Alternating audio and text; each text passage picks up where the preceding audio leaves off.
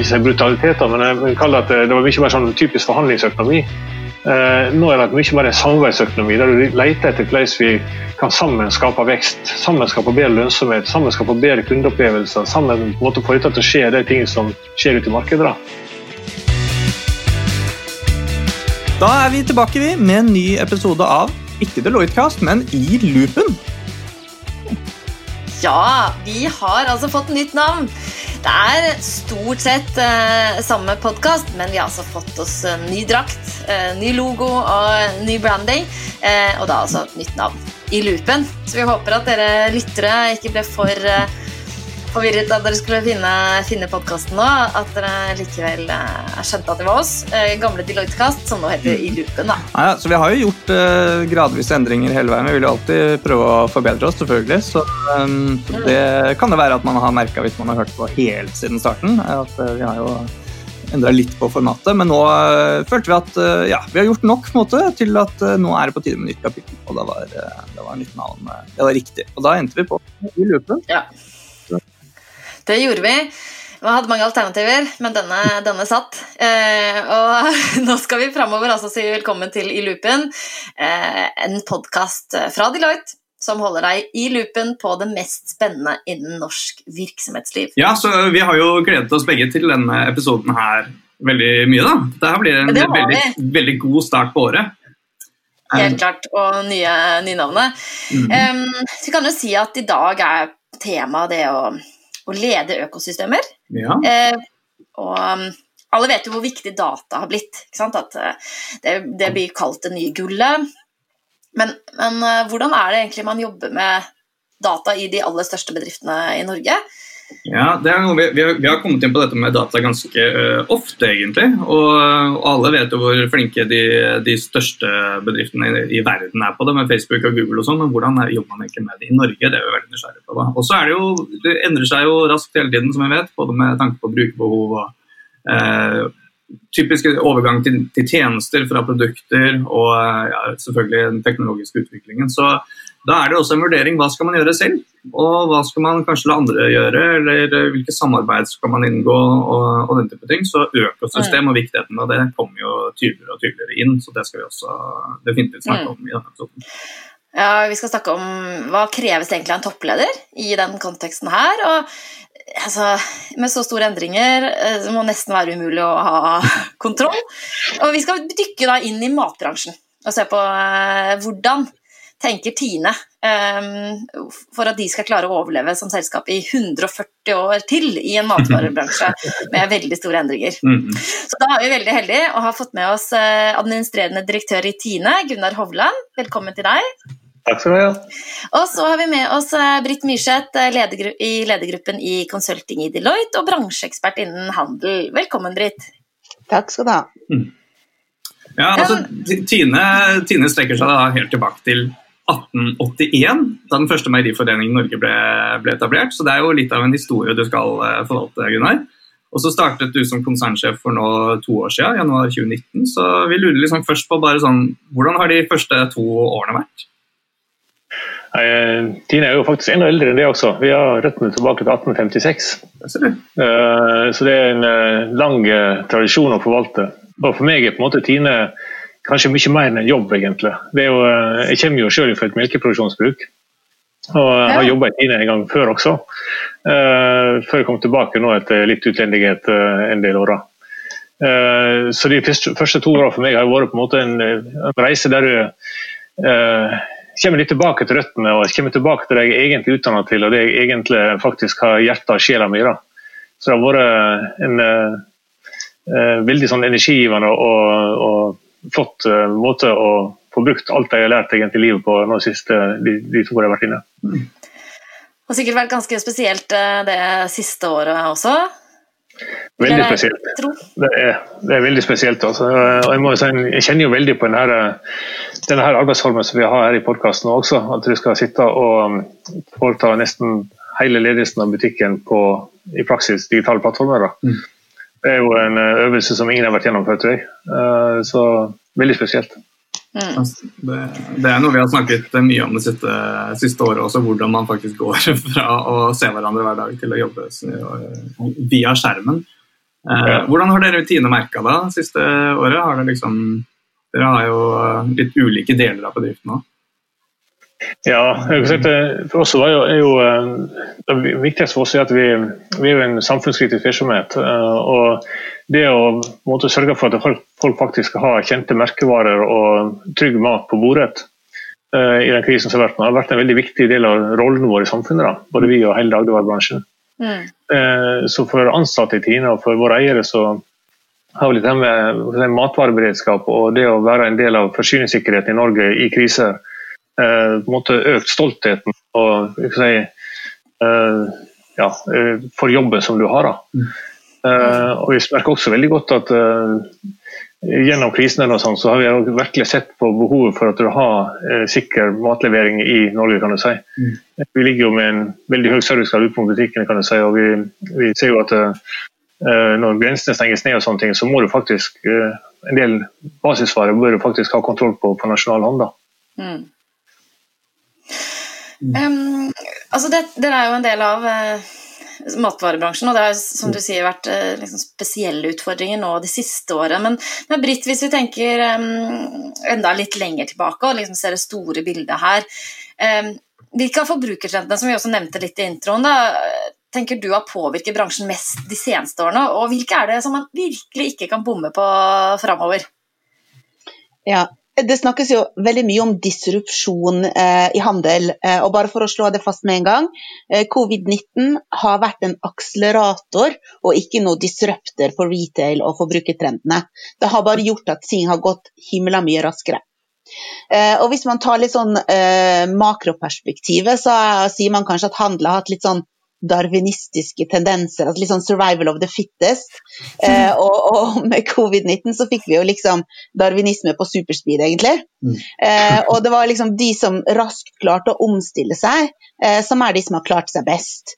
Altså mm. Vi fikk hjemlevering og nettbestilling som norm, eh, hvor bl.a. Tine var med på å redde min lunsj. Eh, da dere snudde dere raskt, eh, Gunnar, og fikk arbeidslyst hjem til forbrukerne i en periode der slapp jeg å spise havregryn hver dag. Eh, og også tilpasningsdyktighet og rask tilpasning. Altså det er litt sånn eh, nøkkelord. Men så er det jo sånn at eh, fittest betyr jo ikke nødvendigvis stor. Eh, og av de ulike segmentene i handel, så var jo alt som var knyttet til mat og dagligvare, det som har gått superbra. Uh, og det at ingen trengte bukse lenger, det skal vi ikke snakke om i dag. Uh, men, men uh, også innenfor matsegmentet så, så, så vi jo at dagligvaredelen går superbra. Men storhusholdningsdelen, servering f.eks., de, de har jo hatt og har oppoverbakke. Mm.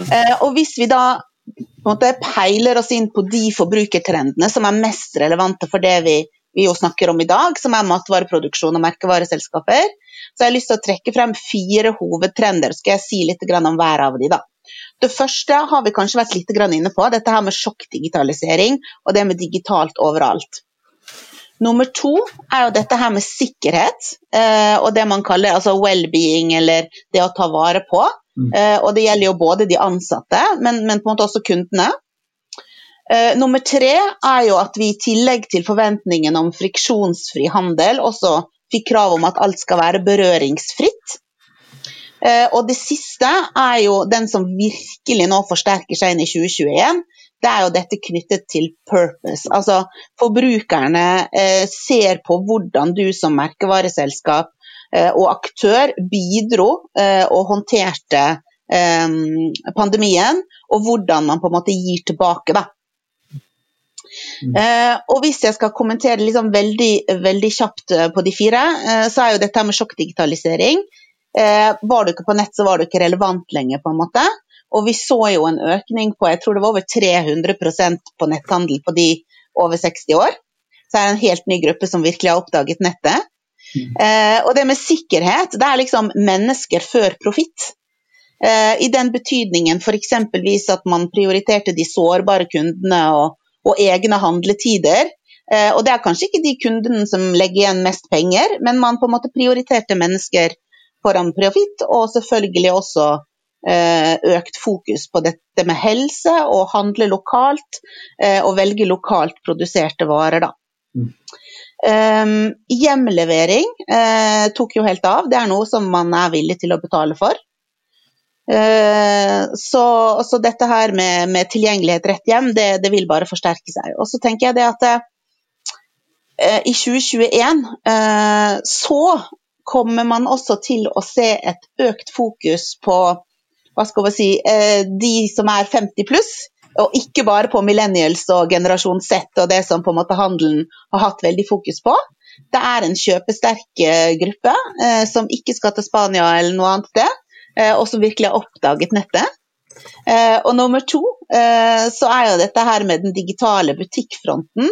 Mm, F.eks. med TikTok som plattform, livestreaming som er et gigantmarked i Kina. Det kommer nå hit i 2021. Det er litt sånn TV-shop på speed. Eh, men det blir en eh, viktig markedsføringskanal for eh, merkevareselskaper. Mm. Mm. uh, ja, Hva tenker du, Gunnar? Hvordan har dere, er, det, er, disse tingene, er det noe du kjenner deg igjen i? eller? Ja, definitivt. altså. Vi opplever akkurat det som Britt er inne på i hverdagen. altså. Alle de trendene hun beskriver der er midt i puddingen på det å drive det jeg kaller for fast moving dummeguds. Ja. Ja. Så um, treffer veldig godt den, altså. Mm. Men skal jeg liksom si litt om uh, det viktige for oss i Tine iallfall, så uh, Du var inne på liksom, en av de viktigste driverne, det er jo purpose. Du sier. Mm. Mm. Eh, den, eh, hvis vi begynner der, iallfall, så kan jeg si eh, den kjenner vi veldig på. Vi har jo en visjon om at vi sammen skal skape et levende Norge. Mm. Og det er du inne på der med det lokale og med, med si, den visjonen og den måten vi jobber på ute, den har iallfall forsterka seg veldig både hos ansatte og hos kundene våre nå. Eh, dette med det som skjer lokalt, da kan jeg si, det du møter folk der ute. Eh, så den kjenner jeg veldig godt på. Eh, og så tenker også, liksom, det du sier på med et lite eksempel. da, men når vi den 12. mars hadde produsert opp ganske mye varer kan du si, fordi at folk skulle på weekendtur til Trysil eller Hafjell eller hvor det måtte være. Så svarte alt stengt ned i løpet av veldig kort tid. Og når vi da satt med et ganske stort lager med varer som var tiltenkt hotellene der som folk skulle stå på ski, så snudde ansatte seg rundt ganske fort i tiden og reiste rundt. Liksom her i Trondheim f.eks. Så tok de med seg de store fem kilos grøtbagene sånn, som du ikke kjøper privat, og reiste ned til til vår frue Kirkenes og delte ut til de som eller så laget til grøt si, til de som var på gata i Trondheim. Mm. Og tilsvarende i andre byer også, sånn, så ble det gjort den typen aksjoner når du på en måte har satt med med den utfordringen som du hadde med at du faktisk er et samfunn som bare over natta egentlig skifter forbrukerbehov. Ja, for ikke kaste maten. Nei, vi kasta ingenting. Eh, vi fikk alt sammen ut på en fornuftig måte sant, og fikk brukt det til eh, det som er purposen vår. At vi, eh, at, vi, også bidro til de. da. Mm. Som eksempel.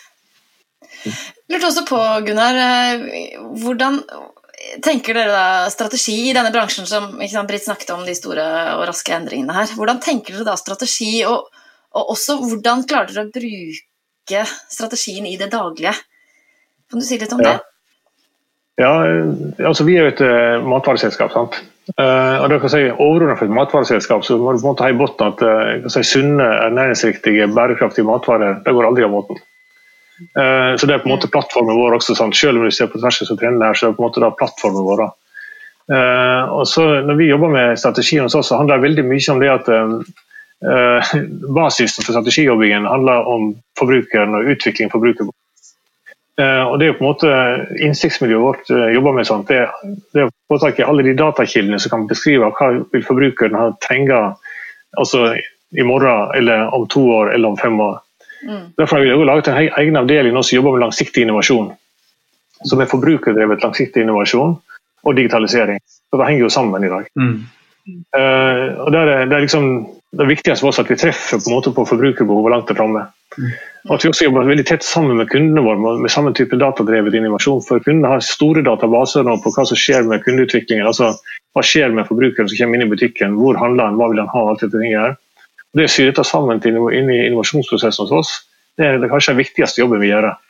Eh, når vi skal liksom jobbe med strategiutvikling, sånn at selskapet måtte treffe på forbrukerbehov framover. Mm. mm. Det er liksom markedsdelen og det å skape vekst i framtiden for, for, butikken. Eh, og så Den andre delen av strategien handler jo veldig mye om det hvordan du kan bruke digitaliseringen, bruke altså, nyutvikla kompetanse og teknologi for å drifte butikken så konkurransedyktig som overhodet mulig. Uh, så liksom Vekstdelen handler om forbrukerbehov og kundebehov og datadelen der. Også driftsdelen handler veldig mye om hvordan vi kan rasjonalisere og effektivisere drifta vår uh, med bruk av ny teknologi. kan du si. Mm. Som, som hva da? Men det, det eksempelet som kanskje er minst kjent i Norge, er at uh, ute på gårdsbruka f.eks. Så har vi nå uh, vi er det landet i verden som har en høyest andel roboter som melker kyr. Mm. Over halvparten av melka i, i, Norge er faktisk melka av roboter. eller noe sånt. Uh, bøndene våre der ute sant? De, de, bruker teknologi på et nivå som veldig få andre gjør faktisk i Norge. Både når det gjelder det som skjer ute på jordet med GPS-er på traktorene sine, sant? og med computere som samler i alt som skjer ute på jordet. Eh, det som skjer i fòrhåndteringen for å få et godt best mulig fôr til kua. Det som skjer i fjøset på kua. Og På selve kua sånn, så har vi noen helsekort som er, som er Vi har bedre dokumentasjon på helsen på kua eh, enn vi har på deg. Eh, med, den, med den følge faktisk at på kua i Norge, så har vi altså, eller dyra i Norge, sant, de har altså det laveste antibiotikaforbruket i hele verden. Vi ligger på, det er kult. Ja, rett og slett fordi dere har så god kontroll på dem, så trenger man ikke på en måte være på den sikre siden? Nei, altså det er heller at du kan drive og spisse altså I stedet for å medisinere kua på besetningsnivå, da. Ja, medisinere den ene, den ene spenen som er dårlig. Mm. Ja, eh, og på den måten sånn, så har Norge et, i forhold til Spania f.eks. en 350. del. Tenk på det, en 350. Det er mot Spania. Mm. Og Det handler om at vi bruker teknologi og, og kunnskaper kan du si, med å, å, spisse det vi skal gjøre, i stedet for at du driver på, en måte på, eh, på besetningsnivå. Hvor tett mm. på er dere, har, dere har jo helt eh, tydelig liksom masse innsikt i hva bøndene gjør, og så er dere eid av bøndene. så Hvor, hvor mye påvirkningskraft har dere på en måte i hvordan bøndene egentlig driver? Altså, vi, Bøndene er jo selvstendig næringsdrivende, så vi, vi, påvirker ikke direkte hvordan de driver. Men de også er jo rasjonelle bedriftseiere, alle sammen. Mm. Eh, og det, jo, det, som er unikt i Norge, er at vi klarer å holde en datainnsamling, så vi, det unike i Norge er at alle bøndene har gitt oss tilgang til all informasjon som skjer inne i fjøset og på gårdsbruket inni et felles selskap som vi lager til. Mm. Og når du får tak i all den informasjonen der, så får du lære, i stedet for at du lærer én og én, så lærer du på tvers av 9000 yrkesutøvere. Så, det, så, dere er en slags hub som deler ut læring til alle disse uh, ja. Mm. At du, du, får tak i all dataen din fra 220 000 kyr til 9000 bønder. Mm. Og Det bruker du til læring, sånn at du på en måte havner eksempelvis med antibiotikaforbruk som en 350 del av Spania. Mm. Uh, og samlesen, I hele verdikjeden der så kan du drive den typen spissa form for læring pga. på grunn av du har den datamengden som samler inn, og få lov å forvalte i fellesskap og dele ut igjen, sånn at alle sammen kan lære av hverandre, ikke bare av seg sjøl. Mm. Mm. Kjempespennende. Altså er, det er jo en ganske unik situasjon å være i. Det må være ganske unikt, spesielt i Norge, å ha en så sentral posisjon i et så stort leverandørledd. Eh, å være ja. den dere er jo liksom Amazon for, eh, for uh, melkeproduksjon, hvis det er det vi snakker om her nå, da. Ja, det er, det er også, vi er jo eid av Melkebondesand. Det er jo Melkebondens eier Tine. Uh, så det er jo på en måte utgangspunktet vårt. Det er de som på en måte også sitter i styret vårt sant? og gjør sitt at vi har den type systemer. Mm. Og det som er fine der igjen, som tror jeg handler om hele denne diskusjonen rundt økosystemer og sånne ting. også sant? at Alle sånne økosystemer som Tine er en del av, sant? det er jo basert på tillit. Mm. Det grunnleggende for et sånt system skal virke sant? det er jo tillit. Mm. Uh, og, og, du kan si at um, Når vi er eid av melkebønder, sånn, så har de og de har på en måte satt i gang dette her rundt eksempelvis helsekortordning på kura. Og Det å få alle om bord på det, mm. det handler om at du har tillit til de veterinærene, til de systemene, til kollegaene dine, til styringen av det, at, at du ikke blir utnytta. du blir brukt for at du skal faktisk bli bedre, ikke for at du skal bli utnytta. Mm. Uh, og det, det, er fordi at du kanskje har den eierformen og modellen som vi har da i samvirket. Mm, at de har tillit til at det blir forvaltet på riktig måte. Ja. Jeg tror det, det med tillit det er utrolig eh, sentralt. og Jeg er helt enig med Gunnar i at det egentlig er nerven i økosystemet. Eh, og så likte jeg veldig godt eh, dette her med Amazon for eh, melkebøndene. At Mimiro nå er blitt Amazon for melkebøndene. Her har vi liksom et helt nytt, eh, nytt mulighetsrom her eh, for å ta den videre. Ja. og så, så, tenker jeg også litt sånn innenfor strategiarbeidet. fordi at det, Eh, det er jo litt sånn at Før så lagde du kanskje en strategi på PowerPoint, og så la du den litt i skuffen. liksom. Eh, men, mens nå er det jo litt mer sånn scenarioplanlegging. Man, det er jo en usikker fremtid. ikke sant? Hvilken vei skal du velge? Eh, og Da oppfatter jeg også at dere jobber på en måte veldig aktivt med ulike scenarioer. da. Det stemmer. Kan du si, ja. Altså, vi, vi, vi, det vi jobber med nå, sant, det er, eller når vi jobber med synspunkter på hva hvordan verden kommer til å se ut i 2025, eh, var det vi hadde på en måte fjoråret. Sant? Og så I år så justerer vi oss til 2026 og 2031. Og Sånn kommer vi til å fortsette. liksom, alltid på en måte ha en rulle, Ikke at du har en, en sovjetisk femårsplan du skal levere på, men at du, du hele tiden liksom sikter langt fram. da. Uh, og tenker hvor skal vi være en, om fem til ti år fram i tid. Uh, og Derfor også et område som vi snakker om langsiktig innovasjon og digitalisering. Vi kommer ikke til å komme ut med et nytt produkt i morgen tidlig. De kommer kanskje ut med et nytt forretningskonsept sant? eller ny inntektsstrøm eller en ny, ny eh, måte å jobbe på i 2025 eller 2030 eller et eller annet. Altså. Det er det perspektivet vi jobber med. Mm. Det er litt sikkert, du var inne på det helt innledningsvis også med historien vår. Sant? At, eh, når vi er en historie fra 1856, eh, så sier eieren vår til oss i dag at eh, jobben min det er å sørge for at Tine er bedre i morgen enn i dag, naturligvis. Det er hele DNA-et til Tine, at du skal være bedre i morgen enn i dag. Men også at vi skal være her i 2056 og 2156. Og hvordan skal vi på en måte posisjonere oss sånn at vi er der? sant? Og, Da er vi inne på det du var inne på innledningsvis, at skal vi være her på en måte i 2056, så må vi alltid være relevant for forbrukerne våre. At vi må alltid være relevant for samfunnet og myndighetene. Vi må alltid være relevant i den posisjonen vi skal forvalte. Og skal vi være relevant igjen, så må du på en måte bruke faktisk de datakildene som finnes der ute, sånn sånn at vi faktisk alltid treffer på det som er framtidens behov. da. Enten det er melkebøndene Hva, hva, er det viktigste, ja, hva er det viktigste dere har lært eh, nå de siste da, om brukerne som dere driver og snusser på? Uh, ja, det er veldig mange ting. Det er spørsmål hvor du ser det nå. Altså. Men hvis du ser på, ute på, på gårdsbrukerne, så, så tror jeg at det, den viktigste lærdommen ute på det vi begynte å snakke om her, med, med Miro og med, med datadeling og med datastrømmer, er at eh, nå er jo da selskapet blitt utvidet sånn at både Felleskjøpet og Tine og Gjensidige er eiere av selskapet. Eh, og med det sånn, så får vi en enda mer komplett innsikt i hele, alt det som skjer på gårdsbruket. Så får du også inn bygningene, forsikring på traktorene, på bilene, på hele atferden til bonden. Og sånne ting. Og igjen det samme at Hvis du ser på de, de som var best, eller de som alltid var de beste bøndene, sant? det er de som har hatt veldig god kontroll på um, og egentlig lager seg nesten dagbøker og driftsbøker på det som skjer på jordet, det som skjer med traktoren, med vedlikeholdsskjemaer, det som skjer med bygningen, med, med hvordan du holder ved like, hvordan du drifter og utvikler den type ting. Sant? Igjen så får du altså læring på tvers på et enda større datagrunnlag. Da. Mm. Mm. Uh, og I stedet for at du på en måte har den ene som var god til å føre på sitt gårdsbruk, så får du altså til hele faktisk, eh, familien, eh, altså med 9000 stykker, får enda mer datagrunnlag inn, sant? for å bli enda bedre sammen. Mm. Som et eksempel på det som har, har utvikla seg siste tiden. For Det er veldig verdifullt tilskudd at Gjensidige kommer også i den, den familien. Den, den jobbingen.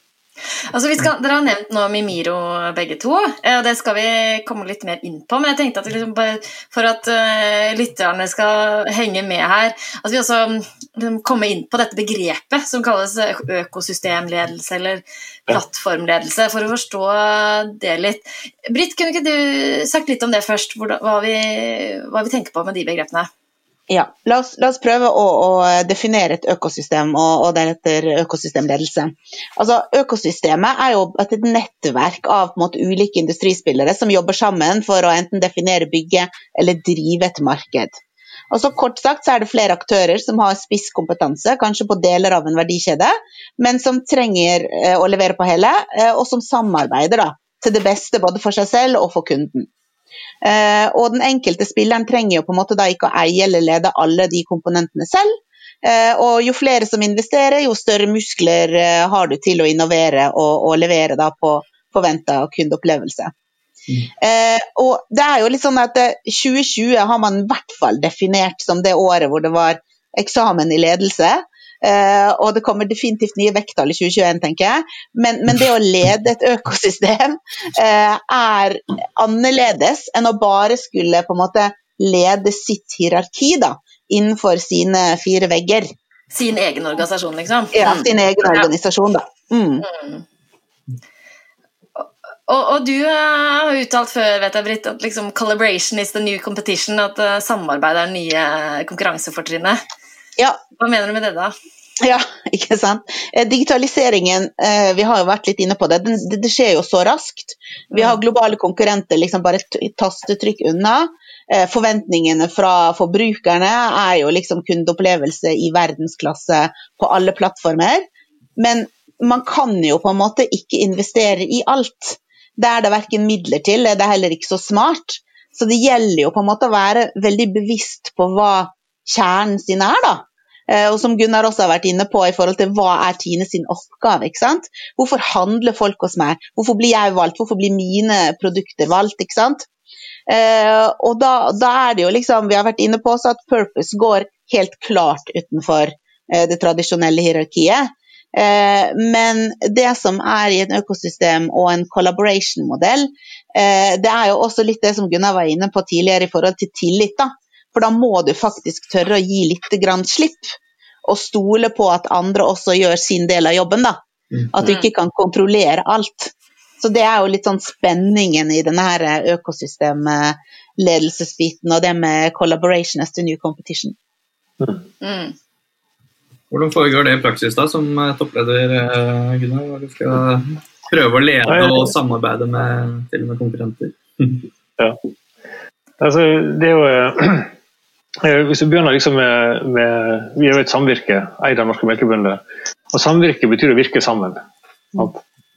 Det, å virke sammen det ligger også i visjonen vår, at vi sammen skal skape et levende Norge. Og jeg merker veldig godt at Når vi er ute og snakker her nå til våre kunder, da, Eh, så er det sammen med kundene våre. Det er sammen med politikere og de som lager rammebetingelsene våre. Det er sammen med ansatte. Det er sammen med storsamfunnet. Sant? At vi må på en måte greie å skape dette sammen. Uh, og Hvis jeg tenker de konkrete eksempler som, som, vi jobber med her, så jeg tror det som er største endringen uh, fra i tiden. For jeg jobba i Tine også på ja, slutten av 90-tallet og tidlig 2000-tallet og nå, det at eh, eksempelvis inn mot kundene våre i dag sånn, så jobber vi mye tettere sammen om å skape vekst. Eh, og det er akkurat som Britt er inne på, at eh, Skal vi tørre på en måte å åpne opp for det fra Tine sin side, og tilsvarende kundene skal åpne opp sine databaser for oss, da, så vil det basert igjen på langsiktig samarbeid og tillit. Og Der merker jeg veldig godt at, at det samarbeidet den samhandlingen som er med kundene i dag, kan du si, mot det som var kanskje i kjedenes spede begynnelse, da det var mye mer sånn uh, jeg skal ikke si brutaliteter, men jeg vil kalle det at det var mye mer sånn typisk forhandlingsøkonomi. Eh, nå er det mye mer en samarbeidsøkonomi, der du leter etter hvordan vi kan sammen skape vekst, sammen skape bedre lønnsomhet, sammen skape bedre kundeopplevelser. Sammen på en måte få dette til å skje de tingene som skjer ute i markedet. Eh, og Det er utrolig interessant å se på. altså.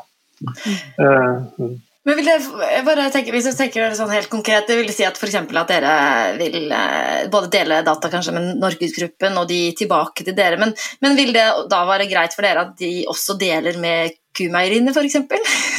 Altså, det, det, kan ikke vi kontrollere, naturligvis. Så det, Nei, igjen, så må du tenke sånn at eh, i hvert fall tenker vi sånn at, eh, at vi har mye mer tro på at altså, I stedet for at vi skal tro at vi kan alt sammen sjøl, så det vi kan, det er å foredle melk.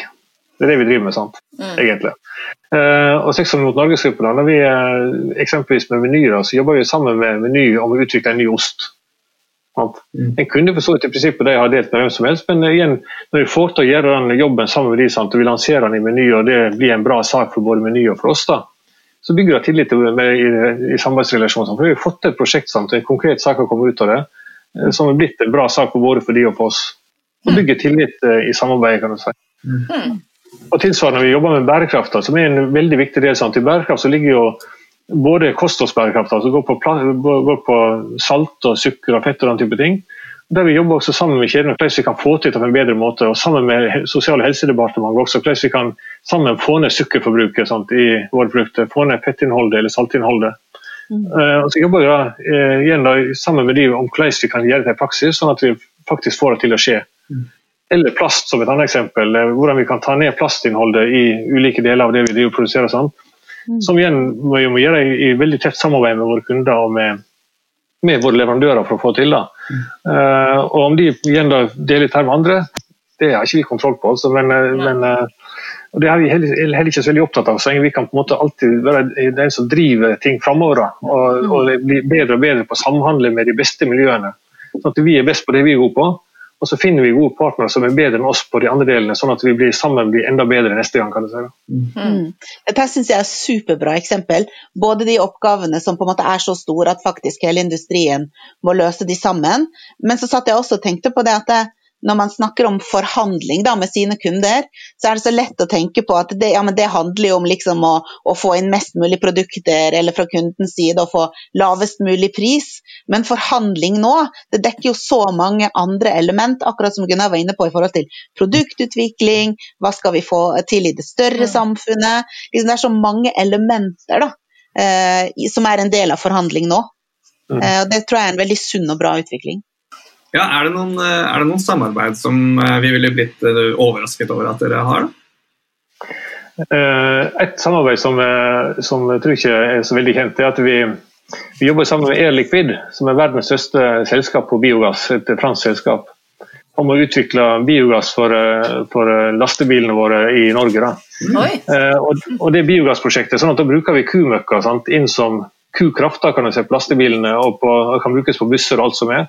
Mm. Uh, og Liquid er som sagt et ledende selskap å få dette til å fungere som uh, sånn kukraftanlegg. Der vi samler kumøkka inn, får ut biogass av den, og så bruker vi reststoffet fra det biogassanlegget som gjødsel igjen ut på jordet. Mm. Og Det er et tiltak som er et såkalt 200 %-tiltak, der vi både bruker altså den gassen som uansett kommer ut av husholdningsavfall uh, og slakteriavfall og møkka, inn som drivstoff. Og samtidig får vi ut av gjødsel som gjør at vi kan kutte ned gjødselkostnadene og ikke minst da gjødselpåvirkningen på CO2. da. Mm. Det er 200% CO2-tiltak. altså Det er nettopp positivt tiltak hvis vi får dette til å gli på en skikkelig måte. Og kan kanskje tjene noe på det òg? Ja, det er ikke minst det siste. Ja. ja. Det må jo være så, kjempe, altså hvis, eh, hvis Tine plutselig blir en sentral drivstoffleverandør, så er det jo snakk om noen muligheter for Og så blir det en trend sant, at folk, eh, Noen som er veganere, velger jo bort meieriprodukter kanskje fordi det er for høye CO2 eller karbon... Ja, ja. Eller drivhusgassutslipp. Ja. Så da er det jo helt uh, superbra. Da kan jeg fortsette å drikke melk med god samvittighet. det kan du gjøre uansett. ja, det skal jeg gjøre uansett. men jeg vet jo at det er en trend, liksom. Ja. Ja, men poenget er liksom akkurat det du er inne på, at eh, vi ønsker jo å bli et uh, nullutslippsselskap. Uh, og Dette er et av tiltakene for å komme oss dit. At vi, vi, får dette til å bli sånn at, og Dette er tiltak som også netto drar utslippene ned uh, når vi får til å bli skikkelig. Så Det er en stor investering som kanskje kommer i løpet av dette året. her. da. Får man samlet inn uh, prompen, altså metangassen fra, fra Kira også, eller? eller det, det er litt verre å samle inn akkurat den, men det er også foregår prosjekter. Men mest egentlig på det hvordan vi kan gjennom bruke fôring og tilsatsstoffer i fôret for å ta det kraftig ned. da.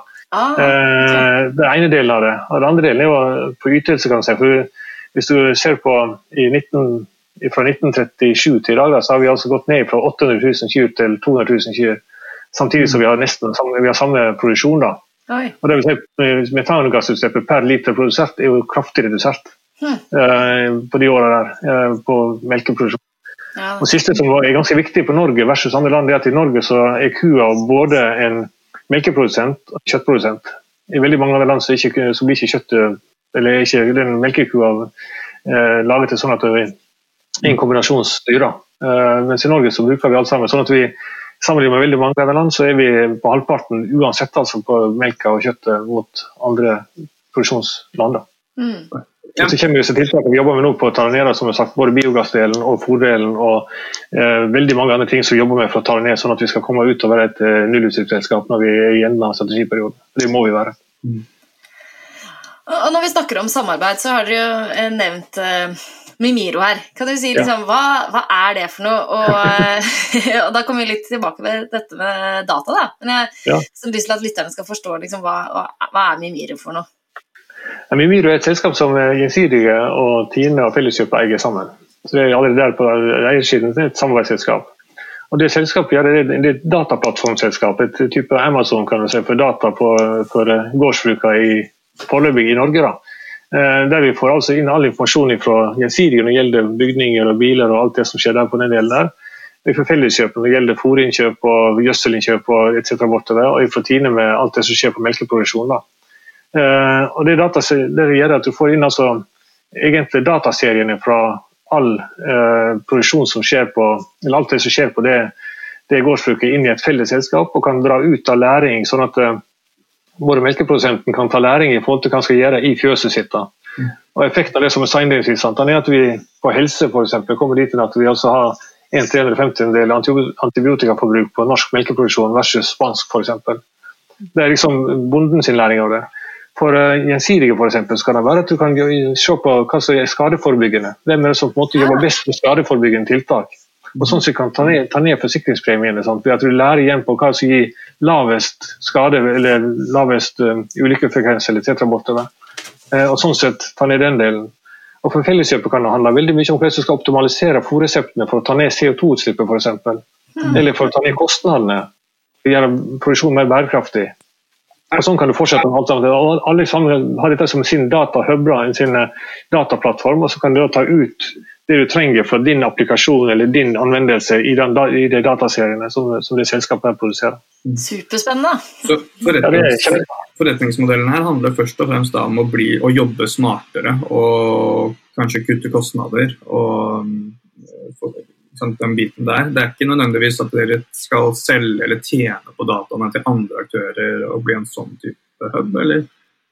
Nei, altså det Primærmålet her er jo at, eh, at eh, altså sånn som jobber, så, så, jobber vi med å samle mest, eller få mest mulig data inn i selskapet, sånn at eh, de som da kan koble seg på med sine moduler, kan få mest mulig læring ut for å bli bedre, enten det gjelder bærekraft, eller gjelder økonomi, eller det gjelder uh, skadeforebygging, eller hva det måtte være. for noe, kan du si. Mm. Uh, altså det, det, er veldig massiv interesse rundt selskapet fra andre aktører også for å komme inn og ta ut den type læring. Mm. Ja, ikke sant? For det, det, var det jeg begynte å altså, Gitt, som vi sa i introen, at data er det nye gullet, og dere sitter på så mye gull, så, er det jo, så må det jo bli interesse for, Og jeg vet ikke hvem, men garantert noen som har interesse av de samme dataene som dere på en eller annen måte kan er det liksom ja. forretningsmodeller dere tenker på også? Eller er det, ja, ja, det er en del av forretningsmodellen til selskapet. Det er ikke det. Ja, interessant. Det, vet, det, er jo flere andre bransjer også som, som snuser på de samme, den samme type mekanikken, tror jeg. Som, mm.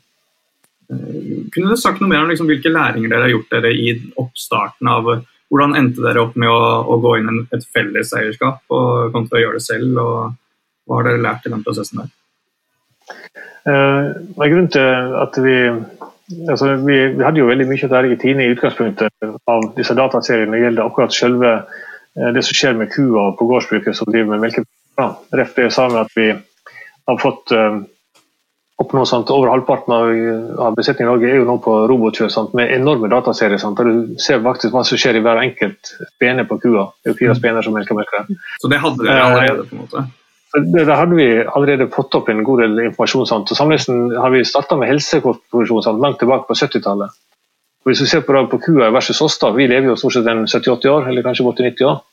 Eh, kua har jo en, eh, snur jo ca. hvert 50-20 år. Da. Så vi har jo veldig mange per generasjon med dataserier på kua og helsa dens enn vi har på oss.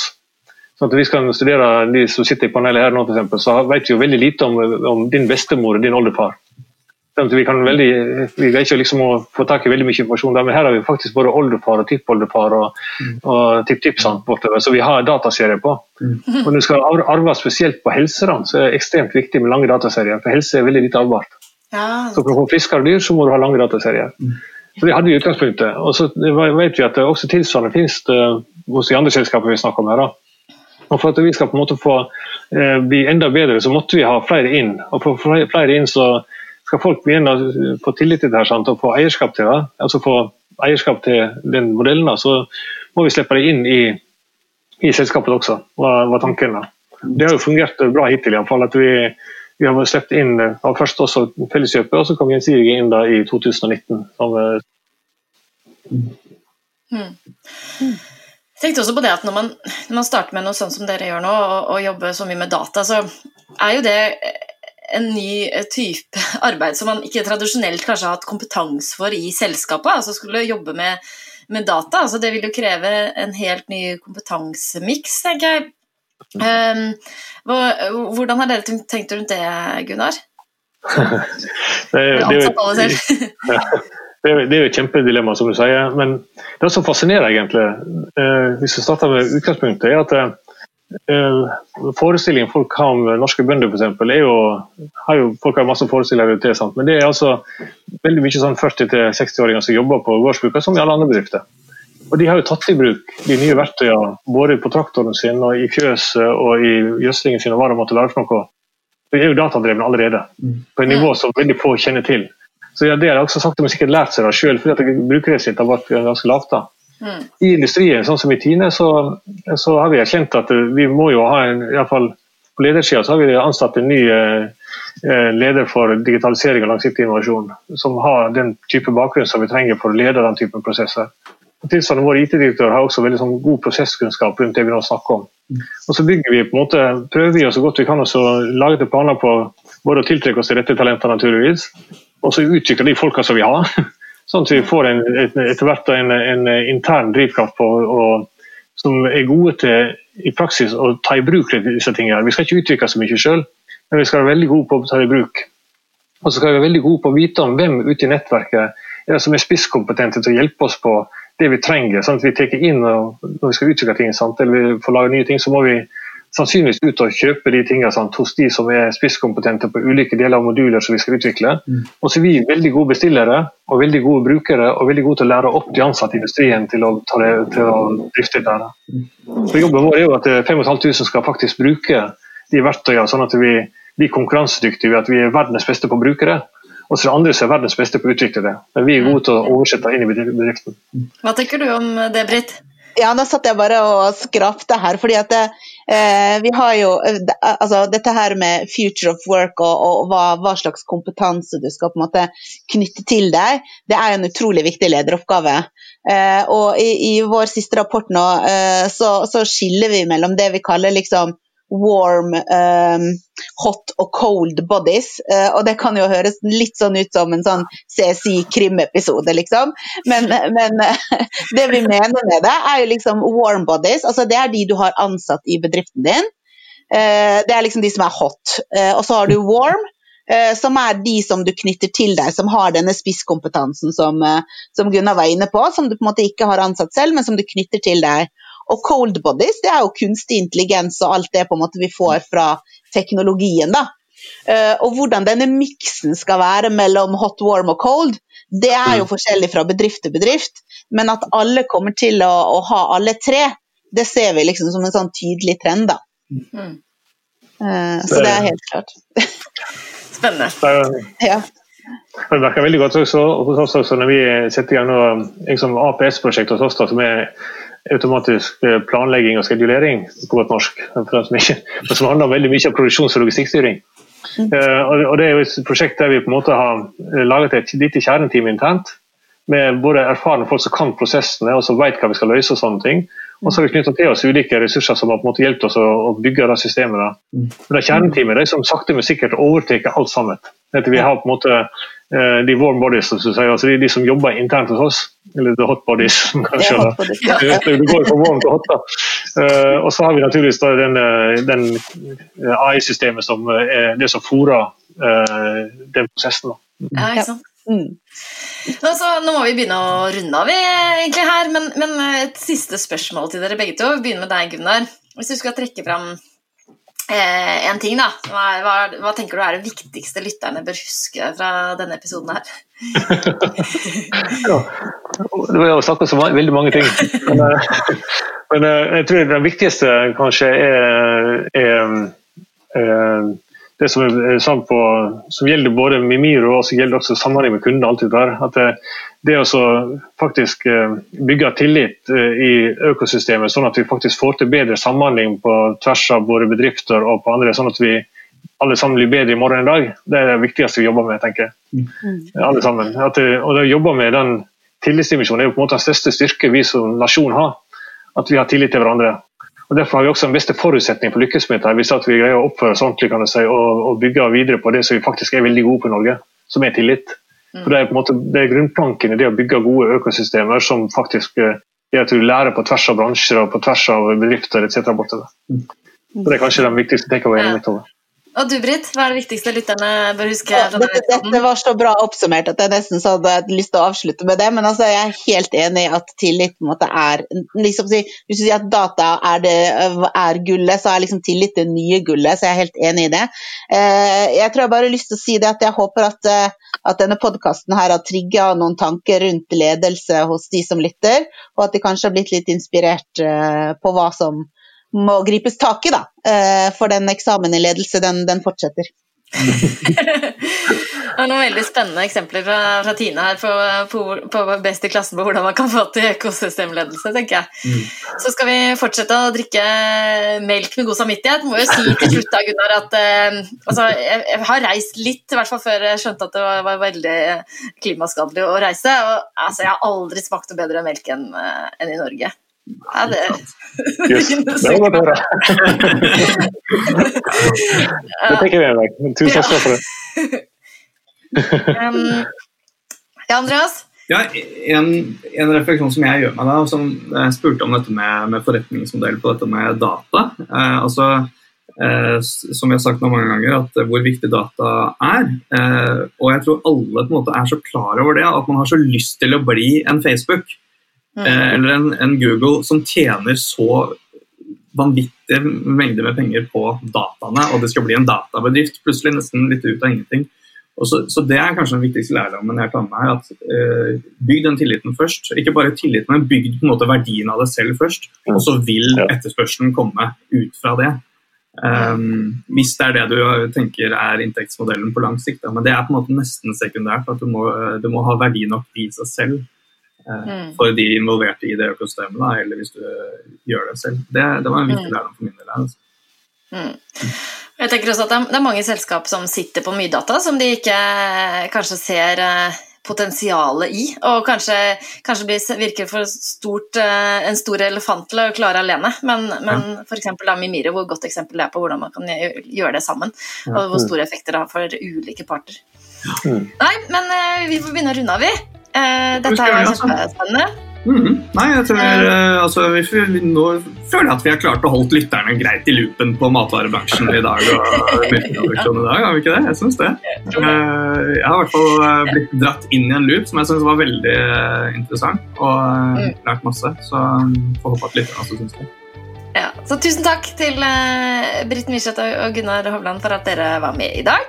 Um, så får vi si som vi pleier, vi, Andreas, at uh, dere må bare sende inn uh, tips uh, eller innspill til podkast at deloitte.no. Det må dere gjøre.